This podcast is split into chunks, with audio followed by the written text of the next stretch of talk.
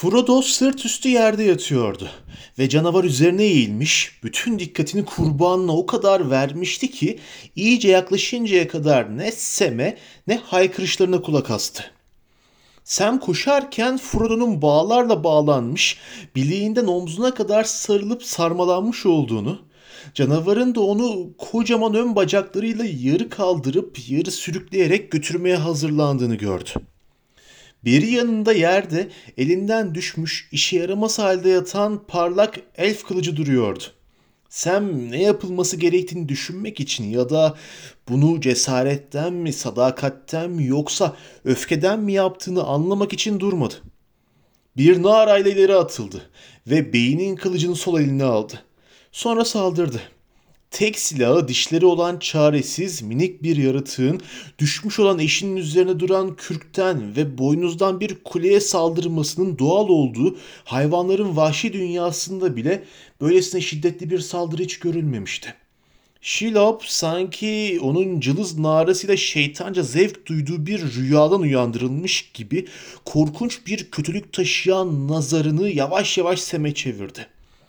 Fakat henüz sayısız yıllar boyunca hiç tanımamış olduğu kadar büyük bir hiddetle yüz yüze olduğunu kavrayamadan parlayan kılıç ayağından soktuğunu ve pençesini biçti. Sam içeri Şilob'un ayaklarının kemerleri arasına atıldı ve diğer elinin hızlı yardımıyla Şilob'un eğilmiş başındaki göz kümesine kılıcı sapladı. Büyük bir göz karardı. Artık o zavallı yaratık Şilob'un tam altında. O an için iğnesinin ve pençesinin uzanamayacağı bir yerdeydi. Şilob'un iğrenç bir ışık yayan koca göbeği tam Sem'in tepesindeydi. Ve pis kokusu neredeyse onu yere deviriyordu. Hiddeti Şilop üzerine çöküp onu ve cesaretinden gelen küstahlığı ezmeden bir darbe daha indirecek kadar sürdü. Parlak elf kılıcı ve deli gücüyle Şilop'u bir kez daha deşti. Fakat Şilop ejderhalara benzemezdi. Gözlerinden başka yumuşak yeri yoktu. Boğum boğum ve çukurlarla doluydu asırlarla yaşlanmış derisi. Fakat içeriden kat kat büyüyen şeytani katmanları onu daha da kalınlaştırmıştı. Kılıç derisini korkunç bir yarayla çentti fakat o iğrenç katmanlar çili ister elfler ister cüceler dövmüş ister Beren'in isterse Turin'in eli kullanıyor olsun insan gücüyle yırtılmazdı.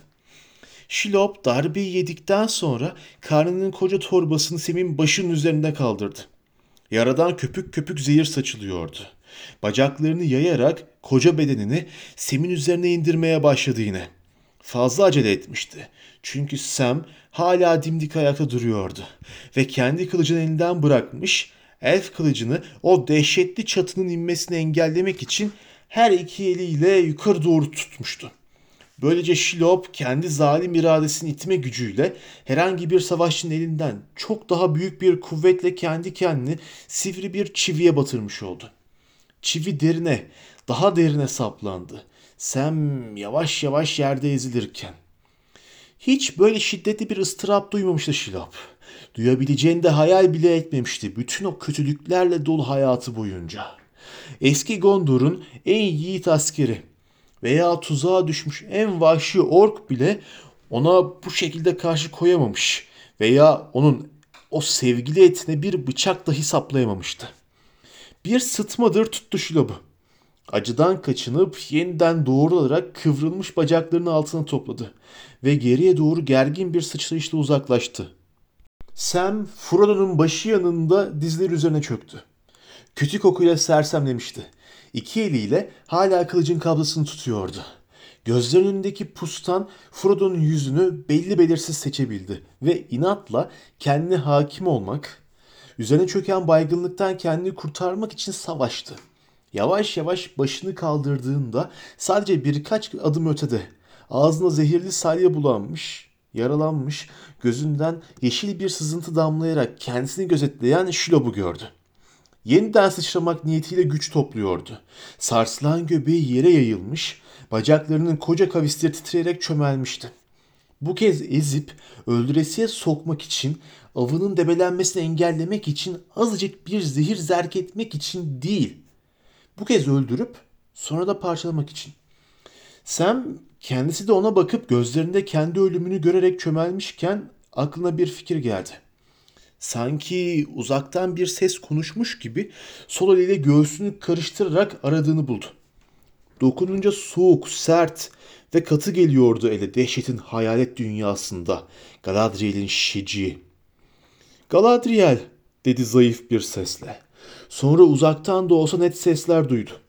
Şairin sevgili gölgeleri içinde yıldızlar altında yürüyen elflerin haykırışları ve Elrond'un evinde ateş salonunu da uykusu arasında duyduğu elflerin müziği.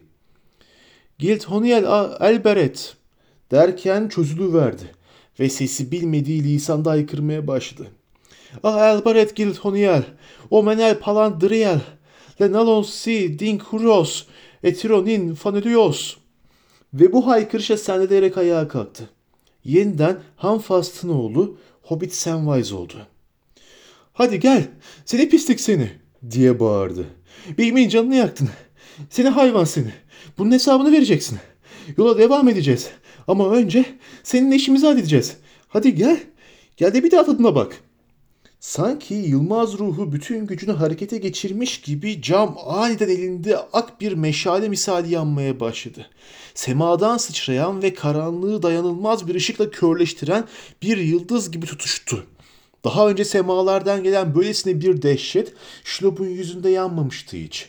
Işığın mızrakları yaralı kafasına girerek başını dayanılmaz bir acıyla yaktı ve ışığın korkunç salgını gözünden gözüne yayıldı. Gözleri içten gelen şimşeklerle kavrulmuş, zihni can çekişirken havayı ön ayakları döverek sırt üstü düştü. Sonra sakatlanmış başını çevirerek yana yuvarlandı ve pençe pençe arkadaki karanlık uçurumdaki açıklığa doğru emeklemeye başladı. Sem üzerine gitti. Sarhoş bir adam gibi yalpalıyordu ama üzerine gitmeye devam etti. Ve Şilop sonunda büzüştü. Yenilgiyle küçüldü ve ondan kaçmak için koşarken sarsıldı, titredi. Deliye vardı. Tam Sam onun arkadan sürüklediği bacaklarına son bir darbeyle bıçağı saplarken eğilip büzüldü. Ve sarı yeşil bir salgı izi bırakarak içeri süzüldü. Sonra Sam yere yığıldı. Şlop gitmişti.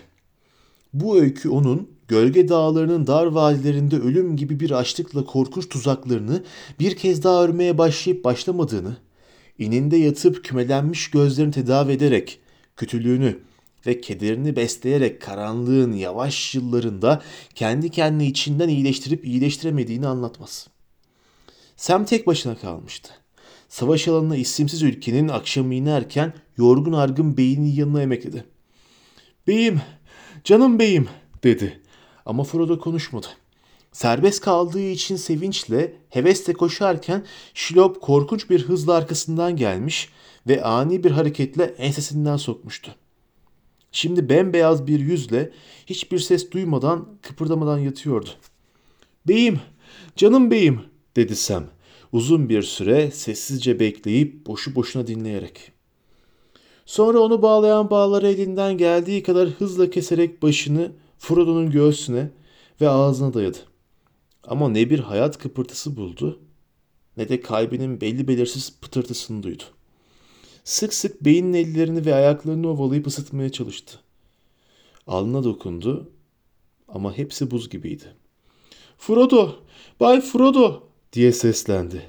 Beni burada tek başına bırakma. Semin sesleniyor. Seni izleyemeyeceğim bir yere gitme. Uyan Bay Frodo.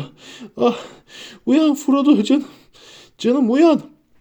Sonra içindeki kızgınlık kabardı. Hiddetle kılıcıyla havayı biçerek, kayaları yumruklayarak, tehditler savurarak beynin vücudu etrafında koşmaya başladı.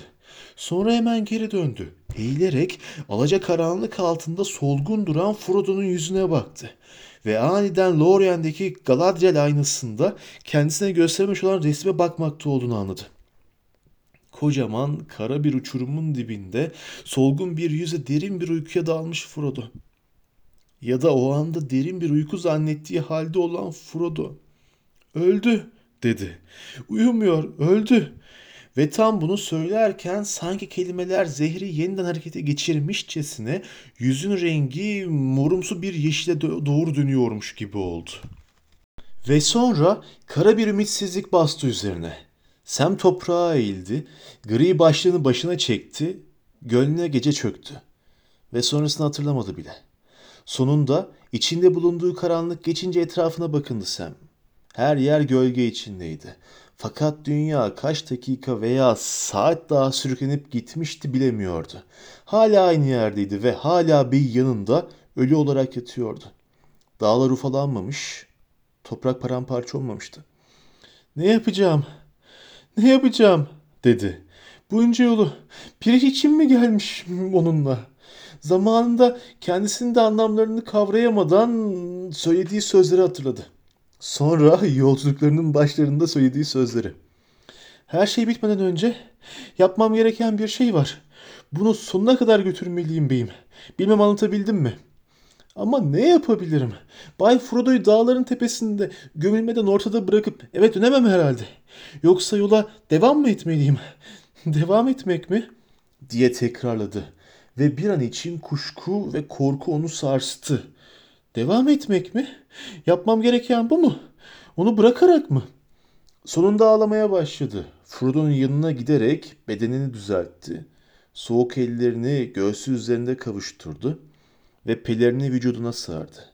Kendi kılıcını bir yanına, Faramir'in vermiş olduğu sopayı öteki yanına koydu. Eğer yola devam edeceksem, dedi, müsaade edersen senin kılıcını almak zorundayım Bay Frodo. Ama bunu senin yanına uzatacağım gibi Höyük'teki kralın yanında uzanmış olduğu gibi. Ayrıca Bay Bilbo'nun verdiği o güzel mitil zırhın da var. Yıldız camını bana ödünç vermiştin Bay Frodo. Ona ihtiyacım olacak. Çünkü artık hep karanlıkta olacağım.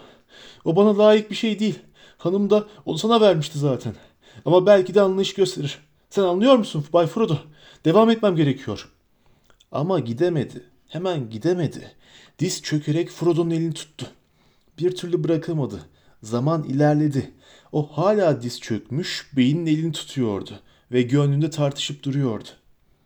Şu anda kendisini buradan koparıp yalnız yolculuğuna devam etmek için, öç almak için kullanacak bir güç arıyordu. Bir kere yola çıkabilse öfkesi onu dünyanın bütün yollarından taşıyıp götürebilirdi. Sonunda onu yakalayıncaya kadar. Gollum'u.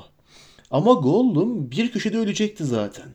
Sam bu iş için yola çıkmamıştı. Beyni bu yüzden bırakmaya değmezdi. Bu beyni geri getirmezdi. Hiçbir şey getirmezdi. Keşke ikisi birlikte ölmüş olsalardı. Aslında o da yalnız bir yolculuk olurdu. Kılıcının parlak ucuna baktı. Geride kalan yerleri, siyah uçurumu ve hiçliğe açılan boşluğu düşündü. O yönden bir kaçış yoktu. Bu hiçbir şey yapmamak hatta üzülmemek anlamına gelirdi. Bu yüzden koyulmamıştı bu yolculuğa. O halde ne yapacağım diye ağladı yine ve artık zor cevabı açık seçik biliyordu. Sonuna kadar götürmek. Başka bir yalnız yolculuk ve en kötüsü. Ne? Ben tek başıma kıyamet çatlağına falan mı gideceğim? Daha da çok ürktü ama kararı kesinleşti. Ne? Ben yüzü ondan mı alacağım? Divan yüzü ona verdi. Fakat cevap derhal geldi. Ve divan onun yanına yol arkadaşları kattı ki görev yarım kalmasın. Ve gruptan geriye bir tek sen kaldın. Görev yarım kalmamalı. Keşke son kalan ben olmasaydım diye homurdandı. Keşke bizim Gandalf veya başka biri burada olaydı. Neden karar vermek için bir başıma bırakıldım sanki? Mutlaka yanlış bir şey yaparım. Üstelik yüzüğü almak, öne atılmak falan bana göre değil. Ama sen kendi öne atılmadın. Sen öne sürüldün. Bu iş için doğru ve yerinde biri olup olmadığına gelince Bay Frodo da yerinde bir seçim sayılmazdı. Bay Bilbo da. Onlar da kendileri yapmadılar bu seçimi. Eh tamam. Bir an önce kararımı vermem lazım. Vereceğim ama mutlaka yanlış bir şey yaparım. Ya tam bizim Sam Gemce yaraşır bir hareket. Şimdi bir bakalım. Eğer burada bulurlarsa bizi veya Bay Frodo'yu veya şeyi üzerinde bulurlarsa o zaman düşman onu alır. Bu da bizim hepimizin, Lorien'in, Ayrık Vadi'nin, şairin, her yerin sonu olur. Kaybedecek zaman yok. Yoksa zaten her şey bitmiş olacak. Savaş başladı ve büyük ihtimalle her şey düşman istediği gibi gidiyordur. Onu alıp geri dönmeye, akıl danışmaya, İzin istemeye vakit yok. Hayır. Ya burada oturup beyimin cesedinin yanında beni de öldürmelerini ve onu almalarını bekleyeceğim ya da onu alıp yola koyulacağım. Derin bir iç geçirdi. O halde alalım onu bakalım. Eğildi. Son derece kibarca Frodo'nun boynundaki klipsi açtı. Elini Tony'nin içine soktu. Sonra diğer eliyle başını kaldırarak soğuk alnını öptü. Yavaşça zinciri başının üzerinden geçirdi. Sonra Frodo'nun başını tekrar huzur içinde yere bıraktı. Hareketsiz yüzde bir değişiklik olmadı. Diğer veriler bir yana en çok bu yüzden Sam sonunda Frodo'nun gerçekten ölmüş olduğuna ve macerasını yarıda bıraktığını kanaat getirdi. Hoşça kal beyim, canım diye mırıldandı. Semini affet. İş tamamlanınca buraya geri gelecek. Eğer becerebilirse. Ve sonra seni bir daha hiç bırakmayacak. Ben gelinceye kadar rahat uyuyasın. Hiçbir kötü yaratık yanına varamasın. Hanım beni duyabilse ve benden tek bir dilekte bulunmamı isteseydi dönüp seni tekrar bulmayı dilerdim. Hoşça kal.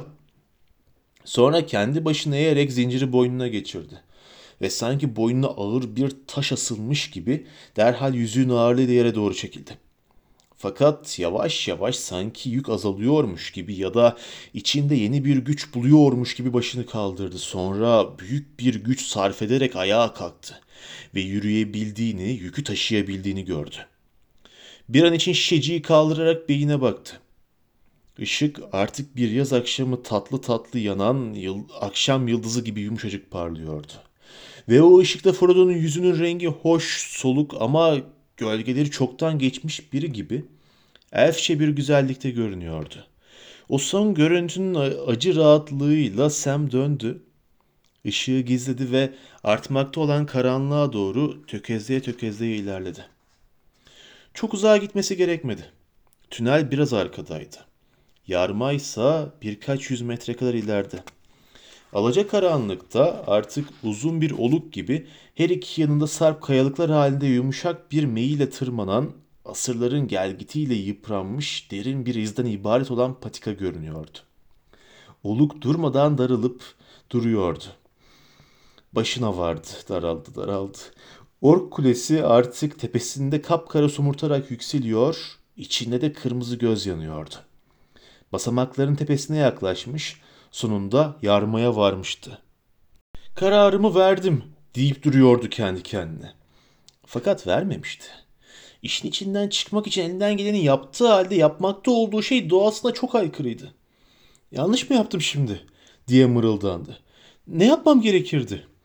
Yarmanın dimdik yanları etrafını sararken daha tam zirveye varmadan daha isimsiz ülkeye inen patikaya bakamadan döndü. Bir an için dayanılmaz bir tereddüt içinde kıpırdamadan arkasına baktı.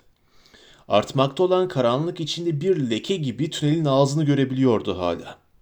Frodo'nun da nerede yattığını gördüğünü veya tahmin edebildiğini sandı. Orada yerde bir pırıltının olduğunu tahayyül etti. Ya da belki de bütün yaşamının mahvolduğu o yüksek kayalık yere bakarken gözyaşlarının oynadığı bir oyundu bu. Dileğimin yerine geleceğini bilsem tek dileğimin yerine geleceğini içini çekti. Geri dönüp onu sağ bulabilsem. Sonra en sonunda önündeki yola dönerek bir iki adım attı. O güne kadar attığı en ağır, en gönülsüz adımlardı bunlar. Sadece birkaç adım. Birkaç adım daha atınca aşağı inmeye başlayacak ve yüksekteki o yeri bir daha göremeyecekti. Sonra aniden bağırtılar, sesler duydu. Taş gibi kaldı olduğu yerde. Ork sesleri hem önünde hem arkasındaydılar. Yeri çiğnen ayak sesleri ve kaba haykırışlar orklar öte taraftan belki de kulenin bir girişinden yarmaya doğru geliyorlardı. Arkadan gelen yeri çiğneyen ayak sesleri ve bağırtılar. Arkasını döndü. Orada aşağıda tünelden çıktıkça göz kırpan küçük kırmızı ışıklar, meşaller gördü. Sonunda av başlamıştı. Kulenin kırmızı gözü kör değildi. Yakalanmıştı. Artık yaklaşmakta olan meşallerin kıpırtısı ve önden gelen çeliğin takırtısı çok yaklaşmıştı. Bir dakika içinde yukarıya varıp onu yakalayacaklardı. Karar vermek için çok oyalanmıştı. Ve artık verdiği kararına bir faydası olmayacaktı. Nasıl kaçabilir? Kendisini veya yüzüğü nasıl koruyabilirdi? Yüzük. Aklında herhangi bir düşünceye veya karar yoktu. Sadece zinciri çekerek yüzüğü eline alırken buldu kendini. Ork grubunun başı önündeki yarmada belirdi. Sonra Sam yüzüğü taktı.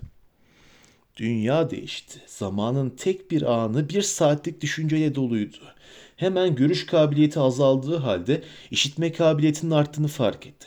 Ama Şilob'un önünde olduğunun tam tersi bir şekilde. Etrafındaki her şey artık karanlık değil belirsizdi. Kendisi de gri puslu bir dünyada minik, sert, siyah bir kaya gibi tek başına dururken sol elini ağırlığıyla yere çeken yüzük sıcak altından bir küre gibiydi. Kendini hiç de görünmez gibi hissetmiyordu. Aksine korkunç ve benzersiz bir biçimde görünür hissediyordu. Bir yerlerde bir göz onu aradığını biliyordu.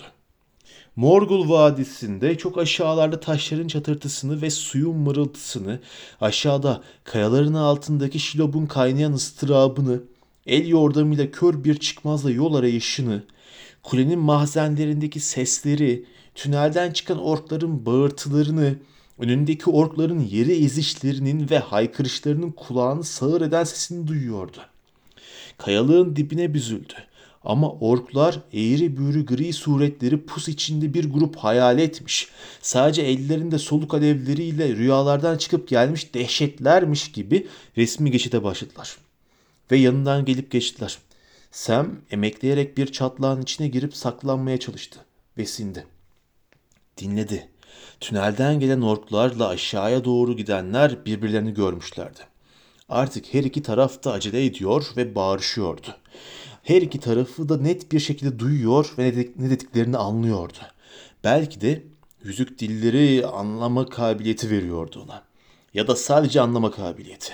Özellikle de yapımcısı Sauron'un hizmetkarlarını öyle ki eğer isterse düşünceleri kendi kendine anlayıp kafasında çevirebilirdi. Belli ki yüzük dövülmüş olduğu yerlere yaklaştıkça gücü de çok artmıştı. Ama vermediği tek bir şey vardı takan kişiye. O da cesaretti. O an için Sem hala saklanmayı, her şey yeniden sakinleşinceye kadar yatıp kalmayı düşünüyordu. Endişeyle dinledi.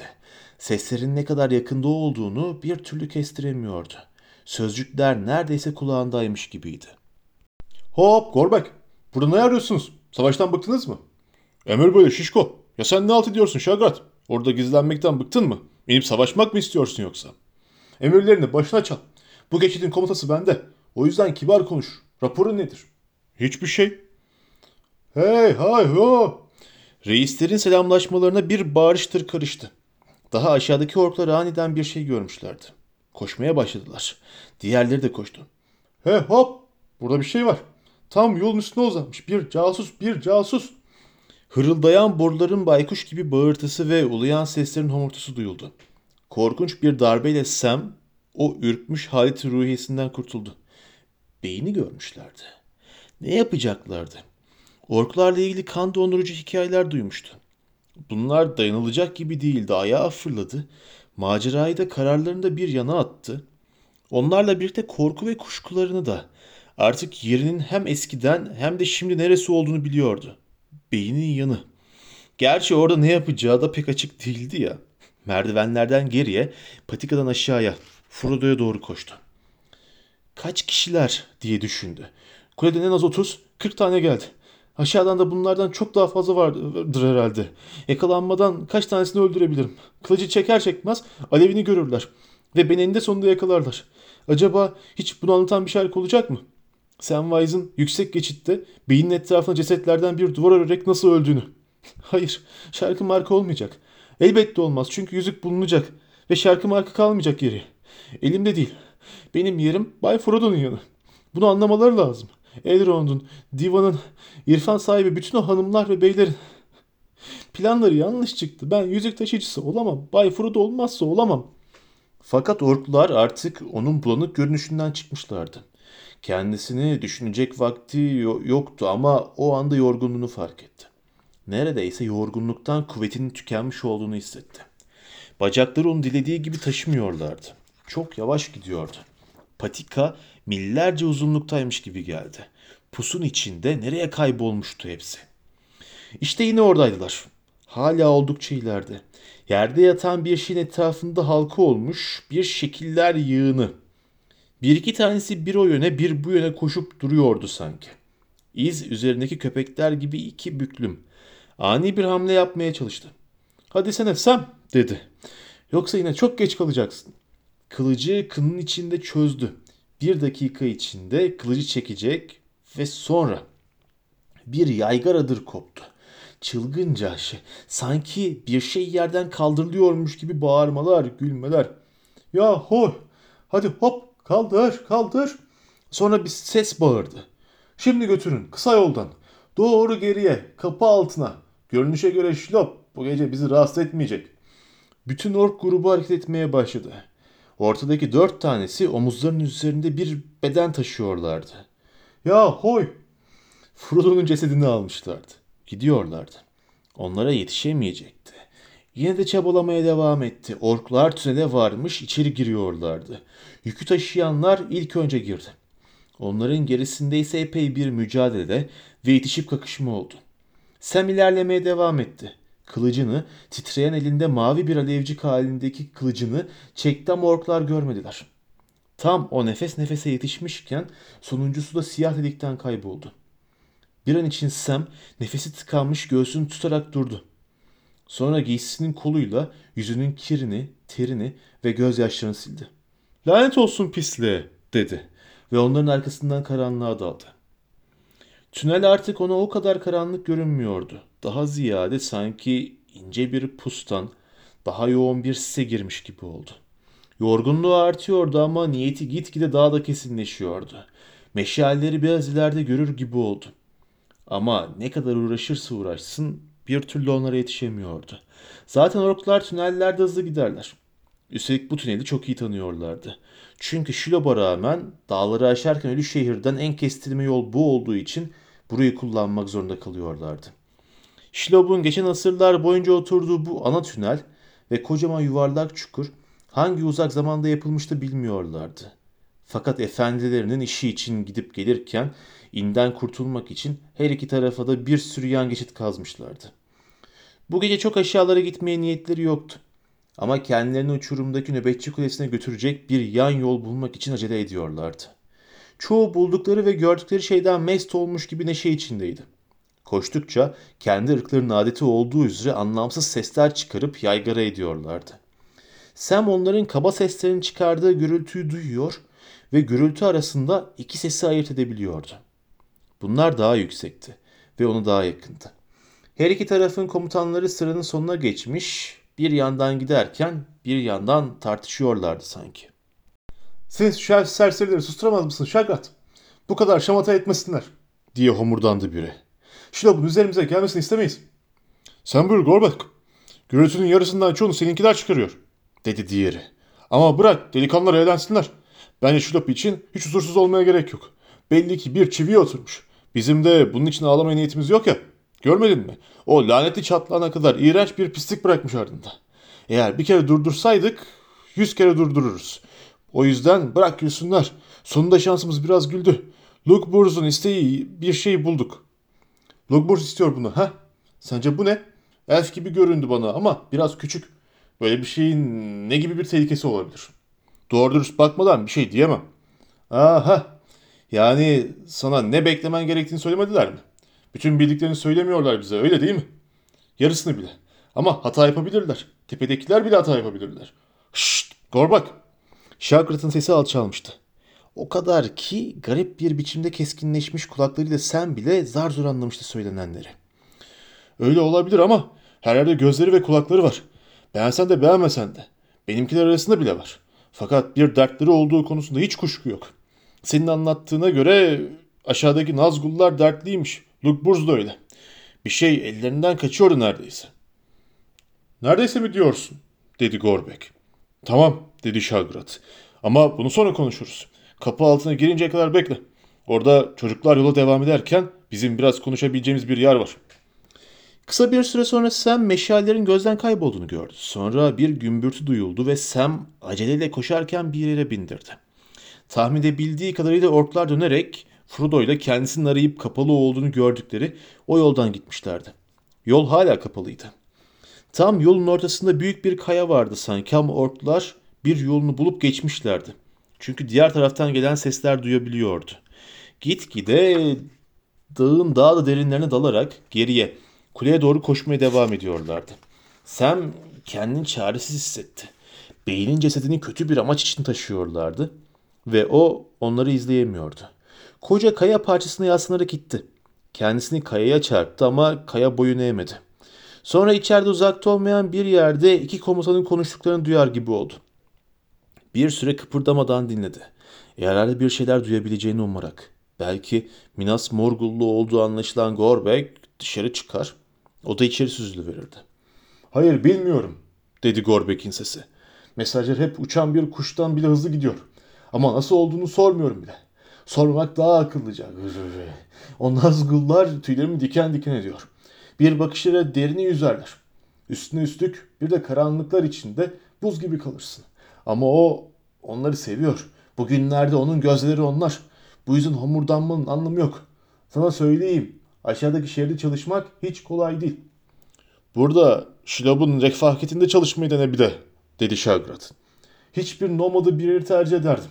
Ama şimdi savaş var. Savaş bitince her şey daha rahat olabilir. İyi gittiğini söylüyorlar, Söylerler. diye homurdandı Gorbek. Göreceğiz. Ama yine de eğer iyi giderse çok daha fazla yerimiz olacak. Ne dersin?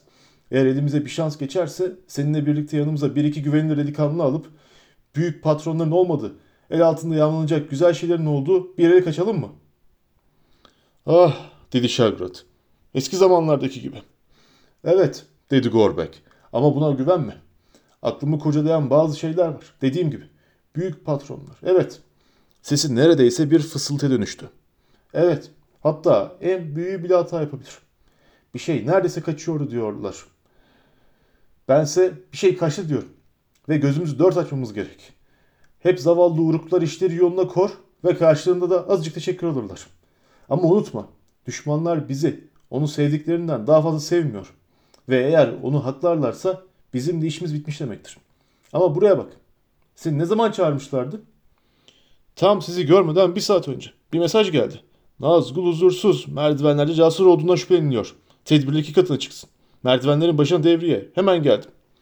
Kötü iş, dedi Gorbek. Buraya bak. Sessiz gözcüler iki gün önceden huzursuzlanmaya başladı. Bunu biliyorum. Fakat benim devriyem aradan bir gün geçinceye kadar görev başına çağrılmadı. Ayrıca Lukburz'a da mesaj yollanmadı. Büyük işaret yükseldiği ve Yüksek Nazgul savaşa gittiği için falan. Sonra uzun bir süre Lukburz'un dikkatini buraya çeviremediklerini söylediler. Göz başka bir yerlerde meşgul sanırım, dedi Şagrat. Uzakta, batıda büyük bir şeyler dönüyor diyorlar. Galiba diye homurdandı Gorbek. Fakat bu arada düşmanlar merdivenlerden çıkmış. Peki ya siz neyin peşindeydiniz? Sizin gözlük etmeniz gerekiyordu değil mi? İster özel emir olsun, ister olmasın. Başka ne işe yarıyorsunuz zaten? Kes, bana işimi öğretmeye kalkma. Bizim gözümüz bal gibi de açıktı. Tuhaf bir şeylerin döndüğünü biliyorduk. Çok tuhaf. Evet çok tuhaf. Işıklar, bağırışlar falan filan. Ama Şulop iş başındaydı. Benim çocuklar Şulop'la sinsisini görmüşler. Sinsisi mi? O da ne? Onu görmüş olmalısın. Minik, zayıf, kara bir şey. Kendi bir örümceğe benziyor zaten. Daha doğrusu açlıktan bir deri bir kemik kalmış bir kurbağaya. Daha önce de buraya gelmişti. Yıllar önce Luke Burz'dan ilk çıktığında yukarıdan onu bırakmamız için emir gelmişti. O zamandan beri bir iki kere merdivenlerden çıktı. Ama onu kendi haline bıraktık. Hanımefendi hazretleriyle bir anlaşmaları var gibiydi. Herhalde yiyecek olarak bir işe yaramıyor. Şilop yukarıdan gelen sözlere kulak asmaz. Ama vadide iyi bir gözcünüz varmış. Bütün bu yaygardan bir gün önce geldi. Dün gece erkenden gördük onu. Her neyse. Benim oğlanlar hanımefendi hazretlerinin biraz eğlendiğini söylediler. Bunun da benim için bir mahsuru yoktu. Ta mesaj gelinceye kadar. Sinsisi ona bir oyuncak getirdi diye düşünmüştüm. Ya da belki siz ona bir armağan yollamışsınızdır. Bir savaş tutsağı falan. Şilop oynadığında ben karışmam. Hava çıktığı zaman Şilop'un yanından kimse geçemez. Hiç kimse diyorsun. Orada gözlerimi kullanmadın mı sen? Sana söylüyorum. Benim aklımı kurcalayan şeyler var. Merdivenlerden her ne çıktıysa geçip gitmiş. Ağını kesmiş ve delikten çıkmış. Bu düşünülmesi gereken bir şey. E tamam ama sonunda onu yakalamış öyle değil mi? Onu yakalamış mı? Kimi yakalamış? Bu minik şey mi? Ama eğer o tek başına olsaydı şimdiye kadar çoktankilerine götürmüş olurdu. Ve eğer Lugburs istiyorsa sizin gidip onu getirmeniz gerekirdi. Aferin size. Ama bir kişiden fazlaymışlar. Tam bu noktada Sam daha dikkatli dinlemeye başlayarak kulağını kayaya dayadı. Şilop'un bağlarını kim kesti Şagrat? Ağa kesenle o aynı kişi olmalı. Bunu görmedin mi? Sonra hanımefendi hazretlerine o iğneyi kim soktu? Herhalde aynı kişiydi. İyi de o nerede? O nerede Şagrat? Şagrat cevap vermedi. Saksını çalıştırsan iyi olacak. Tabii bir saksın varsa. Bu gülünecek bir şey değil. Senin de gayet iyi bildiğin gibi. Daha önce hiç kimse, hiç kimse Şilop'u yine saplayamamıştı. Bu üzülecek bir şey değil. Ama düşün. Buralarda serbest gezinen biri var. Eski kötü zamanlardan. Büyük kuşatmadan beri buralarda dolaşan diğer lanet olası isyankarlardan çok daha tehlikeli biri. Bir şey kaçtı. O halde nedir o? diye homurdandı Şagrat. İşaretlere göre komutan Şagrat. İri yarı bir savaşçı etrafta dolaşıyor. Büyük ihtimalle bir elf, en azından bir elf kılıcı var. Belki de bir baltası vardır. Ayrıca senin sınırların içine dola- serbest kalmış ve siz onu bulamadınız. Gerçekten de çok komik. Gorbat tükürdü. Sam kendi tarifine acı acı gülümsedi. Eh iyi. Her zaman karamsar olmuşsundur sen zaten. Dedi Şagrat. İşaretleri nasıl okursan oku ama onları açıklamak için başka yollar da var. En azından her noktada bir gözcüm var. Ve her şeyi sırasıyla ele alacağım. Ancak yakalamış olduğumuz şeye bir baktıktan sonra başka şeyler için endişelenmeye başlayabilirim. O minik yaratıkta pek bir şey bulacağını zannetmem, dedi Gorbek. Onun esas zarar ziyanla bir ilgisi olmayabilir. Zaten keskin kılıçlı iri yarı olanı ona pek değer vermiyormuş belli ki. Onu orada bırakmış. Her zamanki elf oyunu. Göreceğiz. Gel şimdi. Yeterince konuştuk. Gel gidip tutsağa bir göz atalım. Ona ne yapacaksın? Unutma. Onu önce ben gördüm. Eğer bir eğlenti olacaksa ben ve benim çocuklar da katılacağız. Dur bakalım, dur bakalım diye homurdandı Şagrat. Bana verilen emirler var. Onlara uymamak hem sende hem bende azımsızlık yapar. Nöbetçiler tarafından bulunan sınırları izinsizce aşmış herhangi biri kulede alıkonulacaktır. Tutsak iyice soyulacak, üzerinde bulunan her nesne, giysi, silah, mektup, yüzük veya ufak tefek süs eşyaları hemen Lukburz'a ve sadece Lukburz'a yollanacak. O birini yollayıncaya veya kendi gelinceye kadar emniyet içinde tutulacak. El sürülmeyecek. Aksi takdirde bütün nöbetçi alayı ölüm ceza- cezalandıracak. Bu emirler yeterince açık ve ben de aynen uygulayacağım. Soyulacak ha? dedi Gorbek. Ne yani? Dişleri, tırnakları, saçları falan da mı sökülecek? Hayır öyle bir şey olmayacak. O Lukburz'a ait. Sana söyledim. Onu bir bütün halinde sağ salim istiyor. Bu biraz zor diye güldü Gorbek. Artık bir de şu.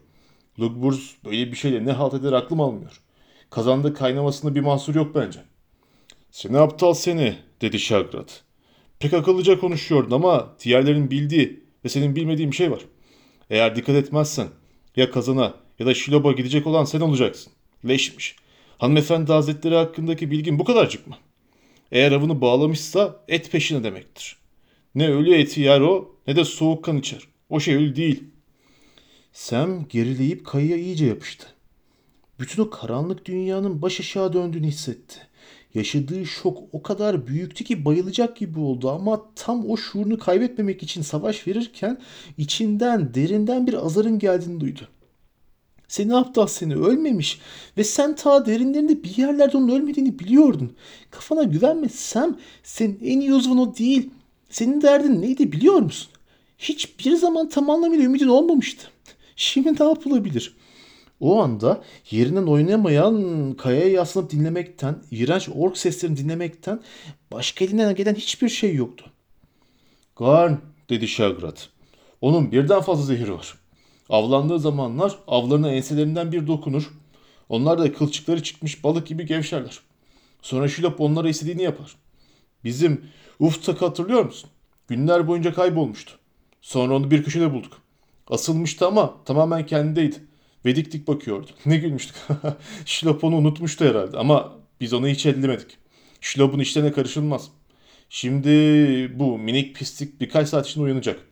Ve ısırık yüzünden kendisini biraz kötü hissetmesi dışında gayet iyi olacak. Ya da gayet iyi olabilir. Eğer Luke Burr izin verirse. Tabii bir de nerede olduğu ve başına neler geldiğini merak edecek. Bunun dışında gayet iyi olabilir. Peki ona ne yapacak? diye güldü Gorbek.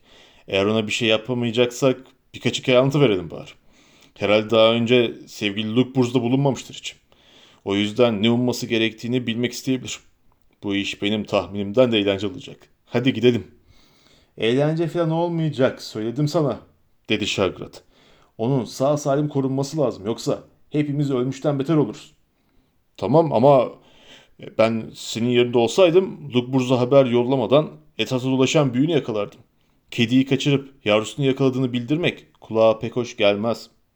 Sesler uzaklaşmaya başladı. Sam uzaklaşmakta olan ayak seslerini duydu. Yaşadığı şoku yenmeye başlamıştı. Artık içinde çılgın bir hiddet vardı. Her şeyi mahvettim diye ağladı. Öyle olacağını biliyordum. Şimdi onu ellerine geçirdi o iblisler, o pislikler. Beyni hiç terk etmeyecektin. Hiç, hiç. Benim esas kuralım buydu ve bunu ta içimden bildim. Ah, affedebilsem. Şimdi, şimdi yeniden onun yanına gitmem lazım. Bir yolunu bulmalı. Ah, bir yolunu bulmalı. Kılıcı yeniden çekti. Kabzasıyla kayaya vurmaya başladı ama sadece boğuk bir ses çıktı o kadar. Öte yandan kılıç artık o kadar çok parlıyordu ki kılıcın ışığıyla etrafı belli belirsiz görebiliyordu. Hayretle koca kaya parçasının bir kapı şeklinde olduğunu fark etti. Yüksekliği boyunun iki mislinden biraz azdı. Üzerinde kapının tepesiyle geçidin alçak kemeri arasında boş bir karanlık vardı.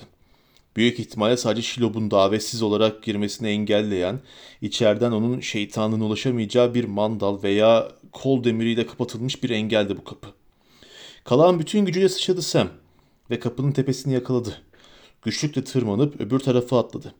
Sonra parlayan kılıç elinde bir köşeyi dönüp döne döne giden tünelden aşağı deliler gibi koştu. Beynin hala yaşıyor olduğu haberi onu yorgunluk düşüncesinin çok ötesinde son bir gayretle harekete geçirmişti. Önündeki hiçbir şey göremiyordu. Çünkü bu yeni geçit hiç durmadan dönüp duruyordu. Ama o iki orka yetişmeye başladığını düşünüyordu. Sesleri yeniden yaklaşmaya başlamıştı. Artık oldukça yakın gibiydiler.